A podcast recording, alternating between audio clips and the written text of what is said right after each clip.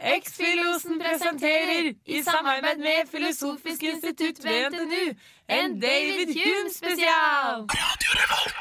David Hume er en av gjerningsmennene bak drapet på Gud. Han gjorde det selvfølgelig med pennen og ikke med sverdet, noe som kanskje er litt naivt når du står overfor et beist med verdens lengste rulleblad.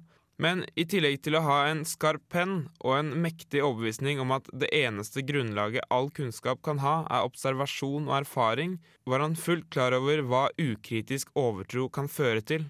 Jeg har tatt en prat med professor i filosofi ved NTNU, Jonathan Knowles, om Humes syn på religion. Altså han, han kritiserte som uh, nesten alt, alle de tradisjonelle forestillingene i filosofi. Så det skulle bare mangle at han ikke tok for seg Gud. da. Uh, men han var også av den oppfatning at forestillingen om Gud, foruten å være ubegrunnede, var uh, potensielt skadelige. I hvert fall overtroiske oppfatninger.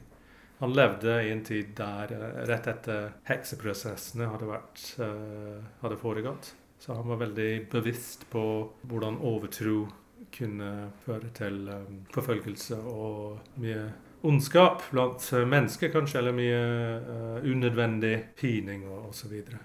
Tre kjente gudsbevis Hume kritiserer, er én det kosmologiske, to det teleologiske, eller argumentet fra design, tre argumentet fra mirakler.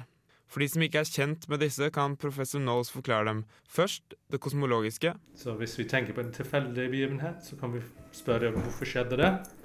Og så kan vi angi en årsak til det, og så kan vi stille samme spørsmål om den årsaken osv. osv. osv. tilbake i tid til universets opprinnelse. Og så I dag så sies det veldig ofte at alt begynte med Big Bang. Men så kan man spørre hvorfor skjedde Big Bang, da? Og tanken er at prinsipielt så må man gi en forklaring på alt. Det eneste som kan si stopper den uendelige regressen, er det vi kaller Gud. da, Noe som bærer i seg sin egen så å si, grunn til eksistens. Det teleologiske? The argument from design sier at hvis vi ser rundt oss, så ser vi en, uh, harmonisk, utrolig komplekst, vakkert uh, univers. Det er noe som trenger en skaper. Akkurat som hvis vi fant en, en, en, en maskin ute i, i, skogen, en kompleks maskin, så ville vi anta at noen hadde lagd det. Det kunne ikke bare være et produkt av et naturlig prosess. Det måtte være en slags bevisst intensjon bak det objektet. Så tanken er analogt at den naturlige verden er, må betraktes som et objekt som er skapt av en skaper. Og det eneste som kan skape en slik, uh, et slikt objekt, er Gud. da. Og til slutt argumentet fra mirakler. Eh, vi kjenner alle til, til historiene i Bibelen om uh, Jesus sine gjerninger. Hvis det er sant at han gikk på vannet, hvis det er sant at han uh, omgjorde vann til vin, så er det grunn til å tro på et eller annet. Altså dette er brudd på naturlover. Brudd på ting som ellers er helt nødvendig. Slik går altså argumentene. Men fungerer de? Lykkes de å etablere Guds eksistens? Ikke ifølge Hume, sier professor Knowles. Hva er galt med det kosmologiske argumentet?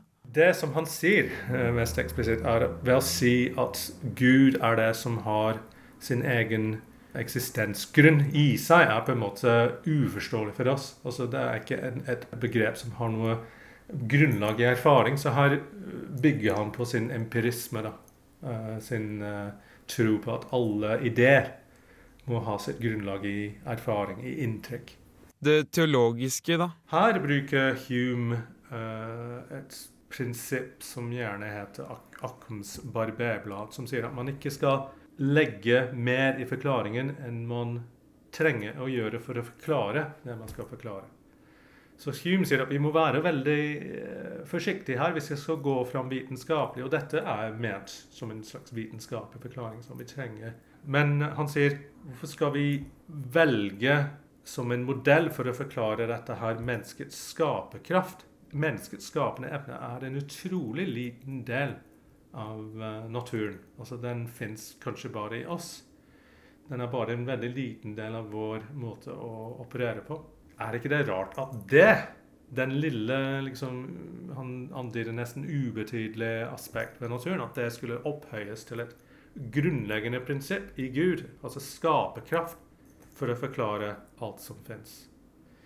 Han sier uh, for øvrig at uh, ja, altså Måtte det være en skapende ting? Altså Kanskje det er like sannsynlig at det er en slags vegetativ uh, prosess, som man kaller det. En slags organisk prosess som er ført fram til ting som de er. Og her kan man kanskje tenke at han foregriper litt en slags darwinistisk, evolusjonistisk tenkemåte.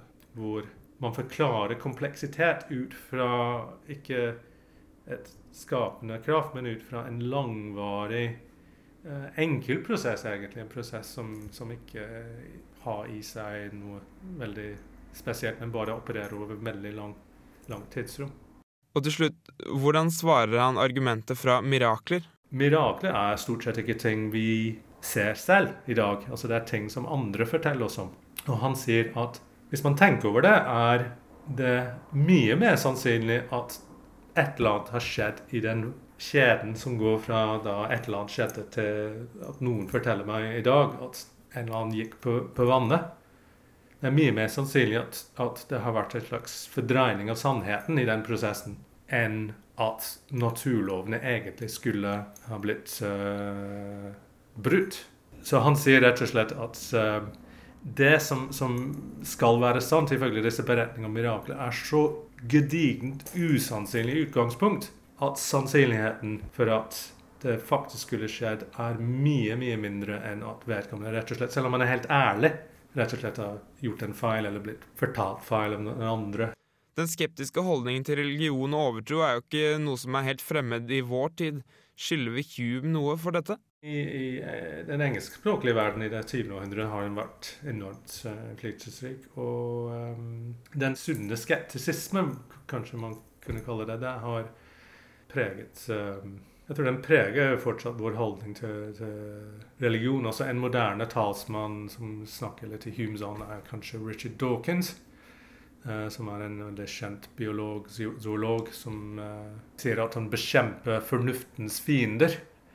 Og med det mener han folk som, som tror f.eks. at jorden ble skapt for 6000 eh, år siden. At, eh, at det fins en personlig gud som på en måte passer på oss og sørger for at, eh, ja, ting uh, skjer som de skjer. Så han, uh, litt som Hume, også spør etter de egentlig om, om det finnes noen grunner for å, for å tro på noe slik uh, personlig gud. Men jeg tror også han deler Humes bekymring for at disse forestillingene er farlige. Og de fører til mer vold, mer hat, mindre fredsfremmende type aktivitet. At de skiller heller forene menneskeheten. Så han er uh, en som absolutt uh, kan kalles en moderne humianer.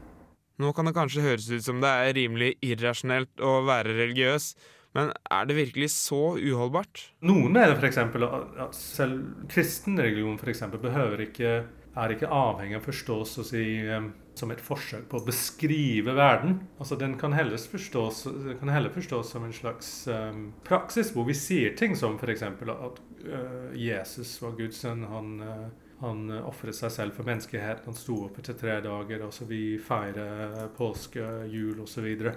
Altså, dette er viktig for oss, og det, det gir uttrykk for en, en viss, visse behov som vi har. Og kanskje et behov for en slags mangel av, av erkjennelse, så vi ikke forstår alt. Det er et mysterium ved tilværelsen.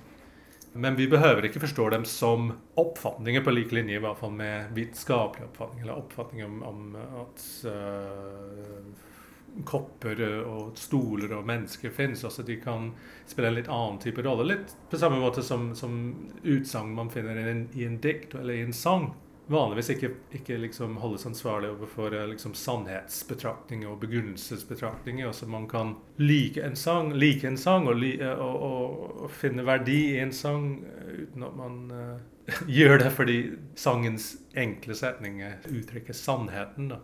Radio Revolt.